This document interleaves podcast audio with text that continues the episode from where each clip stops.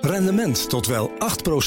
Ontdek Unity. Wij bieden koppelbare werk, kantoor en opslagruimtes die staan voor duurzaamheid, kwaliteit en veelzijdigheid. Sluit je aan bij Unity, waar alle ruimte is voor creativiteit, lef en rendement. Kijk voor meer informatie op unity-units.nl.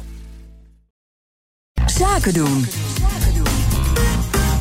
Het personeelstekort neemt steeds grotere proporties aan. Talloze vacatures blijven onvervuld en werkgevers zitten met de handen in het haar. Wat betekent de krappe arbeidsmarkt voor ondernemers, HR-directeuren, bestuurders? Wat zijn mogelijke innovatieve en creatieve oplossingen? En waar zijn al die werknemers eigenlijk gebleven?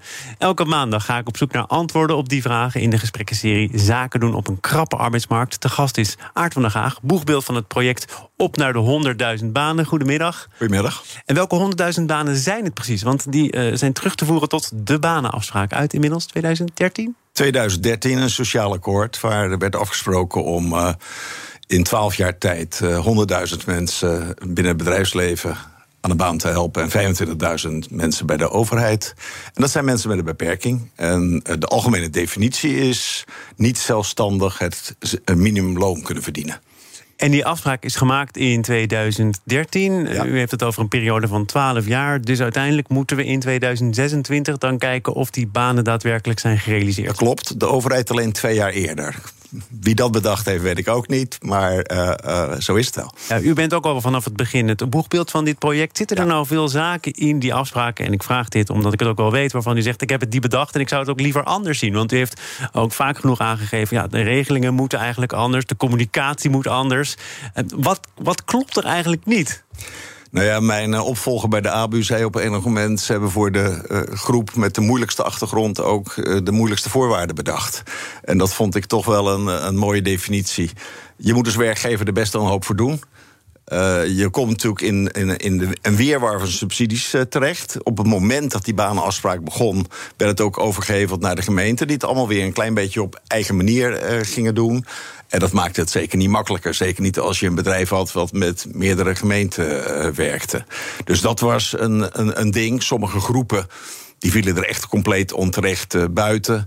De ene groep kreeg een no-risk-regeling, uh, de andere niet. No-risk is dat wanneer ze ziek worden, dat ze kunnen terugvallen. Maar u praat in de verleden tijd, er is veel opgelost nou, inmiddels. Er is een hoop opgelost, zeker. Goed opgepakt. Uh, dus die no-risk-regeling is nu voor, voor iedereen. Uh, het is nog steeds niet overdreven eenvoudig. Nee, maar ik, ik, las een stuk van uw hand uit uh, eind 2021... waarin u toch wel daadwerkelijk zegt... Ja, de regelingen moeten echt eenvoudiger kunnen dan op dit moment aan de orde is. Ja, dus u bent nog niet tevreden? Ik ben nog steeds niet uh, tevreden en zeker niet... Als we dan toch dat onderwerp van die krappe arbeidsmarkt hebben. Je zou, kijk, want het is wel een succes. Hè? Ik bedoel, de aantallen bij het bedrijfsleven worden nog steeds volledig gehaald. Ook nou, in de coronaperiode? Uh, in de coronaperiode per jaar uh, liep het een beetje tegen, maar cumulatief. Zitten we, we verwachten deze week nieuwe cijfers. En dan hebben overheid en bedrijfsleven zo'n 75.000 mensen uh, geplaatst. Ja, dat kan niet in het Feyenoordstadion, zeg ik altijd. Maar het is gewoon een middelgrote stad aan arbeidsbeperkten... die ondertussen aan het werk is. Dat is een ongekend succes. Hoe komt het toch dat daar gesteggel over is? Hè? Nu weet het ook. Er zijn ja. onderzoeken die zeggen... nou, die banenafspraken, we hebben het mooi met elkaar afgesproken... staat op papier. Maar als je kijkt naar dat het daadwerkelijk is gerealiseerd... dan moeten we zeggen, nou, het houdt niet over. En dan komt u in de bocht en zegt u het zit toch echt anders. Die cijfers kloppen niet. Maar het zijn cijfers van ministeries, het zijn cijfers van brancheverenigingen, het zijn cijfers nee, van ons. Cedris, Cedris is een brancheorganisatie voor de inclusieve arbeidsmarkt, meen ja, ik.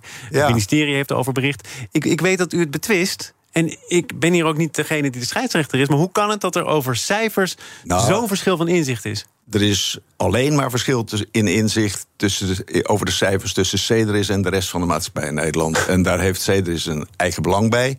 Die wil de eigen positie beter naar voren brengen. Ministerie en UWV zijn het volledig eens dat dit de juiste cijfers zijn. Die komen uit de polisadministratie. Kun je die op een bepaalde manier tellen dan? Uh, ik, ja, kan, kan je de administratie. Uh, er is gewoon een polisadministratie. Dus elk uur wat door welk iemand dan ook uit dit doelgroepenregister wordt gewerkt, wordt geteld. En aan het eind van de drie maanden en aan het eind van een jaar worden al die uren bij elkaar opgeteld, teruggeleid tot zoveel FTE's, in dit geval van 28 uur. En dan weet je precies hoeveel mensen er aan het werk zijn. Daar is werkelijk geen enkele twijfel over. Annemiek, heb jij een vraag ondertussen? Oh, uh, nou, ik ben wel benieuwd, zeg maar, als je uh, die doelgroep uh, ehm, als we het daarover hebben, welke type bedrijven dat we nu zien die daar het beste invulling aan geven. Ja, dat is gelukkig heel breed. Anders zou natuurlijk ook niet zo hoop mensen uh, geplaatst kunnen zijn. Dus uh, ik pak dan toch even bedrijfsleven en overheid samen. Dat kan rustig een beleidsmedewerker zijn bij een ministerie... die alleen een beperkt aantal uren kan, kan werken tot in de schoonmaak. Uh, mensen die gesplitste werkzaamheden uh, doen, bij cateringbedrijven. Maar bijvoorbeeld hier in de stad, een ABN AMRO doet het ook voortreffelijk. als jullie de Albert Heijn inlopen, dan zal je vrijwel in elk Albert Heijn-filiaal een aantal mensen kunnen zien lopen. Ja, soms zie je het natuurlijk ook helemaal niet, maar die toch uit deze doelgroep komen. Dus dat is wel heel breed. En hoeveel extra aandacht vraagt dat ook van werkgevers? Ja, dat moet je toch niet helemaal onderschatten. Uh, uh, het vraagt sowieso aandacht om ze naar binnen te krijgen, omdat de dienstverlening ook nog relatief beperkt is. Dan moet je al die regelingen eromheen organiseren. En heel vaak is er bijvoorbeeld ook een jobcoach nodig om, om ze goed op de rit te houden. Want er gebeurt zoveel in hun persoonlijke levens dat dat ook een gevolg voor het werk kan hebben. En um, als je ook kijkt, wij doen heel veel voor overheden. Dus we hebben veel te maken met aanbestedingen. En daar ja. staat ook altijd een onderdeel. Wat doet u met social returns? Ja. hè, dat wordt ook Telt mee in de overheid hiervoor, ja. zeker. Is er ook ergens inzage in hoe daar invulling aan wordt gegeven door de overheid? Ja, ik moet toevallig uh, werd er gisteren een brief gepubliceerd die deze dagen naar uh, de Kamer gaat. Waar uh, alle ministeries laten zien wat ze gedaan hebben. Nou, niemand haalt zijn volledige doelstelling, zeg maar, dat ze gemiddeld op 60, 70 procent zitten. Maar er zitten al dit soort elementen als uh, social return ook bij uh, ingeteld. Maar ja, weet je, de overheid is natuurlijk super breed. Ik bedoel, dat is niet alleen een ministerie, dat is ook een gemeente. Maar bijvoorbeeld ook alle scholen, de universitaire ziekenhuizen, de rechtspraak. Je kan het zo gek niet bedenken. Zou het nou kunnen dat het voor ook dit soort organisaties en bedrijven zeker uh, moeilijker wordt als het economisch wat meer tegen gaat zitten. Hè? Want er is uh, krapte op de arbeidsmarkt, daarom hebben we ook mm -hmm. dit gesprek. Um, Zometeen zullen bedrijven, organisaties misschien noodgedwongen andere keuzes moeten gaan maken. Uh, is het dan denkbaar dat deze groep over het hoofd gezien wordt? Of toch nou, makkelijk denk, terzijde wordt geschoven? Denkbaar wel. Aan de andere kant, we begonnen in 2014. En toen stond de economie er echt nog niet florissant bij. Toen hadden we meteen een eclatant succes met uh, 15.000 plaatsingen. Dus dat viel me mee. Het is wel een frontrunning groep die het doet. Hè? Uh, je moet niet denken dat het hele bedrijfsleven hieraan meedoet. Dat is nog steeds maar misschien 12, 15 procent van de bedrijven. Dus er is ook nog een enorme markt uh, te ontwikkelen. En, en er is ook nog veel kennis wat ontbreekt bij die bedrijven. Bij de overheid daarentegen, daar weet iedereen ervan. Alleen daar is het doen weer minder uh, aan de orde.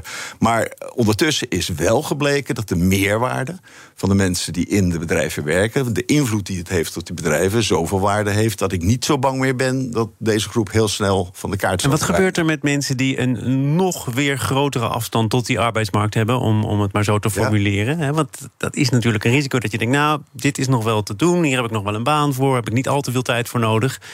En dan is er een, een andere collega die net wat meer vraagt, eh, die dan ja. afvalt. Nou ja, dat is natuurlijk met elke regeling zo.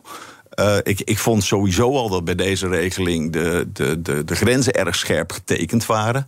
Ik noem maar wat, je hebt MS voor je achttiende gehad, dan pas je erin MS multiple sclerose na je achttiende, dan telde je niet mee. Ja, leg het mij uit. Dus, maar uh, uh, aan de andere kant zeg ik nou juist... veel bredere groepen zouden van deze regelingen moeten kunnen profiteren... en ook van dezelfde aanpak. Want hier hebben we een groep die in doelgroepenregister staat... van zo'n 250.000.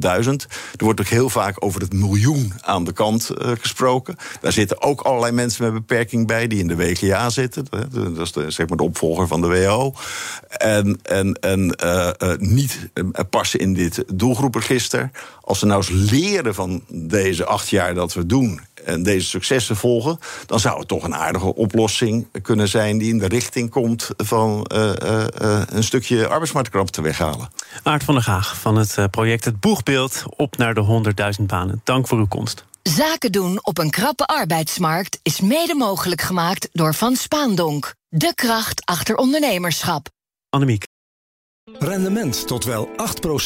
Ontdek Unity. Wij bieden koppelbare werk, kantoor en opslagruimtes die staan voor duurzaamheid, kwaliteit en veelzijdigheid. Sluit je aan bij Unity, waar alle ruimte is voor creativiteit, lef en rendement. Kijk voor meer informatie op unity-units.nl.